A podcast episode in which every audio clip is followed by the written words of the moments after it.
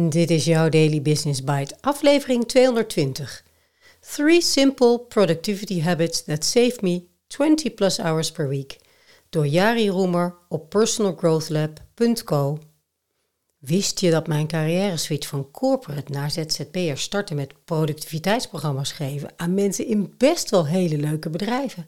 Precies 20 jaar geleden omdat productiviteit, structuur en systemen altijd wel mijn aandacht hebben getrokken, wilde ik wel weten wat Jari hierover schrijft en waar die 20 plus uren vandaan komen. Let's start. Je luistert naar Daily Business Bites met Marja Den Braber, waarin ze voor jou de beste artikelen over persoonlijke ontwikkeling en ondernemen selecteert en voorleest. Elke dag in minder dan 10 minuten.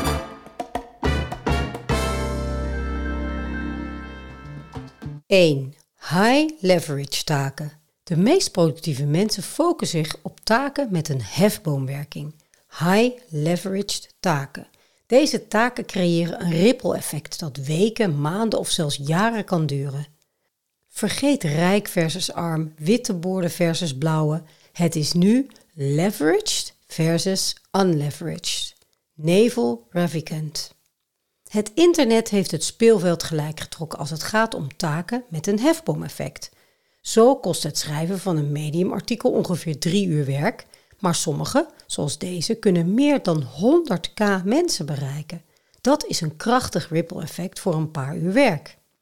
Het creëren van een digitaal product is een andere vorm van leverage.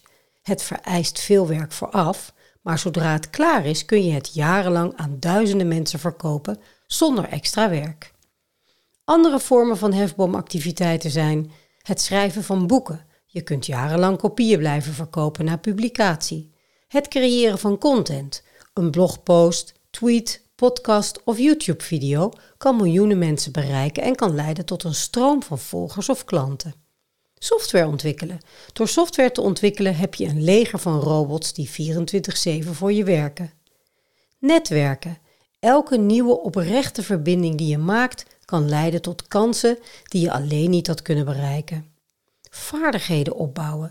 Besteed 20 tot 100 uur aan het leren van een nieuwe vaardigheid en je zult dit je leven lang in kunnen zetten. Zoals Naval Ravikant beschrijft in The Almanac of Naval Ravikant, we leven in een tijdperk van leverage. Een medewerker die een hefboomeffect creëert, kan een medewerker die dat niet doet met een factor van 1000 of 10.000 overtreffen. Natuurlijk kun je niet altijd ontsnappen aan gewone taken, zoals e-mail, administratief werk of de meeste vergaderingen. Maar als je jouw productiviteit wilt verhogen, zul je meer tijd moeten besteden aan het identificeren van hefboomtaken, het liefst met een flinke hefboom. Welke taken hebben het potentieel om een ripple effect in mijn leven of werk te creëren dat weken, maanden of jaren kan duren?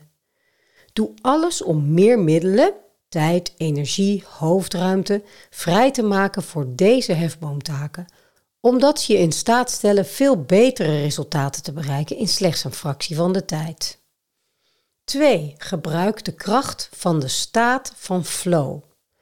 Flow is een psychologische en fysiologische staat van topprestaties. Het is waar we ons het beste voelen en het beste presteren, zowel mentaal als fysiek. Stephen Kotler, auteur van The Art of Impossible, schrijft dat tijdens flow mentale en fysieke vermogens door het dak gaan en de hersenen meer informatie per seconde opnemen en dieper verwerken. Een tienjarig McKinsey-studie over flow en productiviteit wees uit dat topmanagers een 400% toename in prestaties rapporteerden tijdens flow. Met andere woorden, als je twee uur per dag werkt in een flow-staat, krijg je evenveel gedaan als de meeste mensen in een gemiddelde 8-urige werkdag. Neurowetenschappen tonen aan dat tijdens de flow onze hersengolfactiviteit meetbaar verandert en we een krachtige verschuiving in neurochemie ervaren. Een combinatie van norepinefrine, dopamine, endorfines, anandamine serotine en soms oxytocine overspoelt het systeem. Dit creëert een krachtige neurochemische cocktail voor topprestaties en maakt flow een van de meest plezierige en lonende menselijke staten. Zoals Mihai Csikszentmihalyi, auteur van Flow en bekend als de vader van Flow, schreef: De beste momenten in ons leven zijn niet de passieve ontspannen tijden. De beste momenten doen zich meestal voor als het lichaam of de geest van iemand tot het uiterste wordt opgerekt in een vrijwillige poging om iets moeilijks en de moeite waard te bereiken. Helaas ervaren mensen in de huidige wereld vol afleidingen nauwelijks nog flow. Het wordt geschat dat de gemiddelde kenniswerker slechts 5% van zijn werkweek in flow doorbrengt. Dat komt doordat de gemiddelde kenniswerker elke 6 tot 8 minuten wordt afgeleid door een e-mailmelding op zijn smartphone, volgens een studie van Rescue Time. Aangezien het tenminste 22 minuten onverdeelde aandacht, geen afleidingen of taakwisseling, vereist voordat je in flow kunt komen, kunnen we concluderen dat de meeste mensen zelden het volledige prestatiepotentieel van hun hersenen benutten. Als je vaker in een flow staat wil werken, volg dan deze routines die ik persoonlijk elke dag volg. Creëer een werkruimte zonder afleidingen. Smartphone uit het zicht, meldingen uit, sociale media en e-mail gesloten. Kies één taak die uitdagend genoeg is om je vaardigheden te rekken, maar niet zo uitdagend dat het frustrerend wordt. Stel een timer in op 90 minuten, de optimale lengte voor een focussessie volgens Dr. Andrew Huberman. Neem een pauze van 20 tot 30 minuten. Maak een wandeling, doe wat squats of push-ups, pak een kop koffie. Herhaal deze cyclus één of twee keer. Wanneer je leert om dagelijks toegang te krijgen tot de flow-staat, de staat van optimale cognitieve prestaties, zul je in staat zijn om meer gedaan te krijgen in minder tijd. 3. Het blokken van tijd. Het blokken van tijd is een van mijn favoriete productiviteitstechnieken. Harvard Business Review erkende zelfs time blocking als de meest nuttige productiviteitshack. En Cal Newport, auteur van het best verkochte productiviteitsboek Deep Work, verklaarde: Een 40-urige werkweek in tijdblokken produceert naar schatting dezelfde hoeveelheid output als een 60-plus uur werkweek zonder structuur.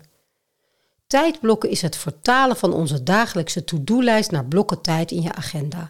Elke taak van onze to-do-lijst wordt ingepland voor een specifiek tijdsblok, waardoor er een duidelijk actieplan voor de dag ontstaat. Tijdblokken maken is een krachtige gewoonte van topprestaties om een paar redenen. Ten eerste hebben onderzoeken aangetoond dat het blokken of toewijzen van tijd uitstel vermindert.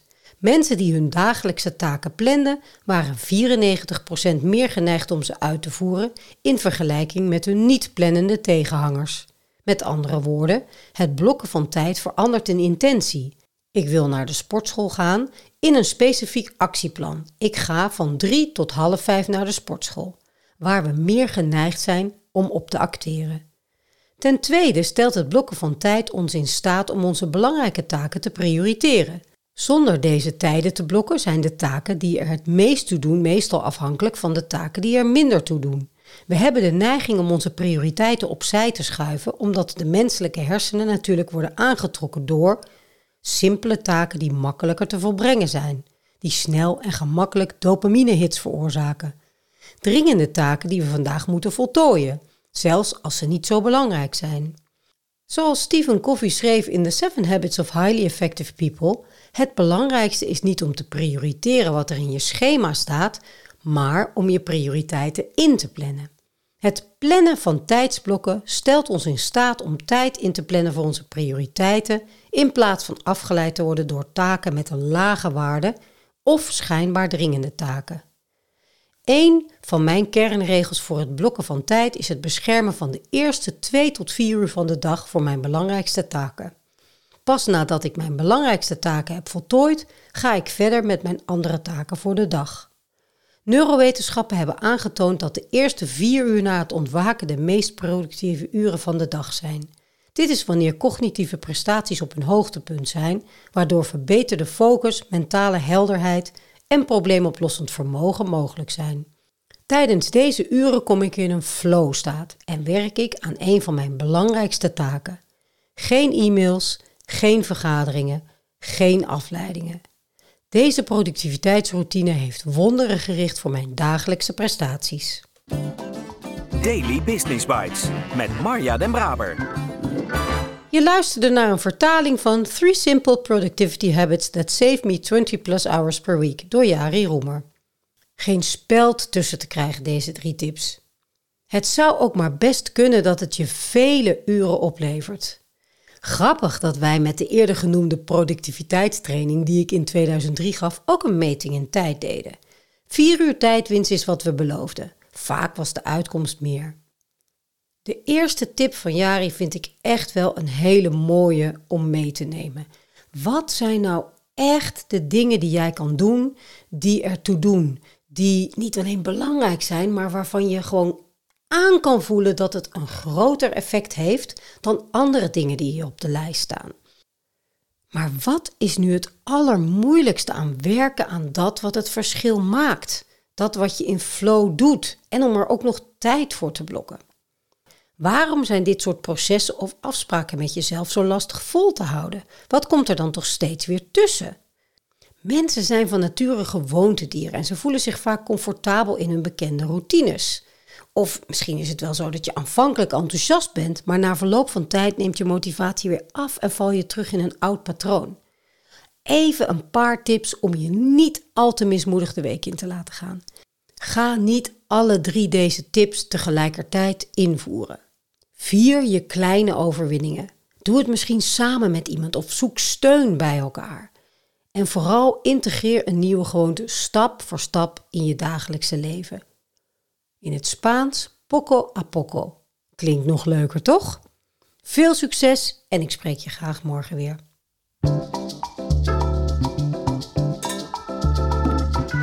Dit was Daily Business Bites. Wil je vaker voorgelezen worden? Abonneer je dan op de podcast in je favoriete podcast-app. Meer weten? Klik op de links in de show notes.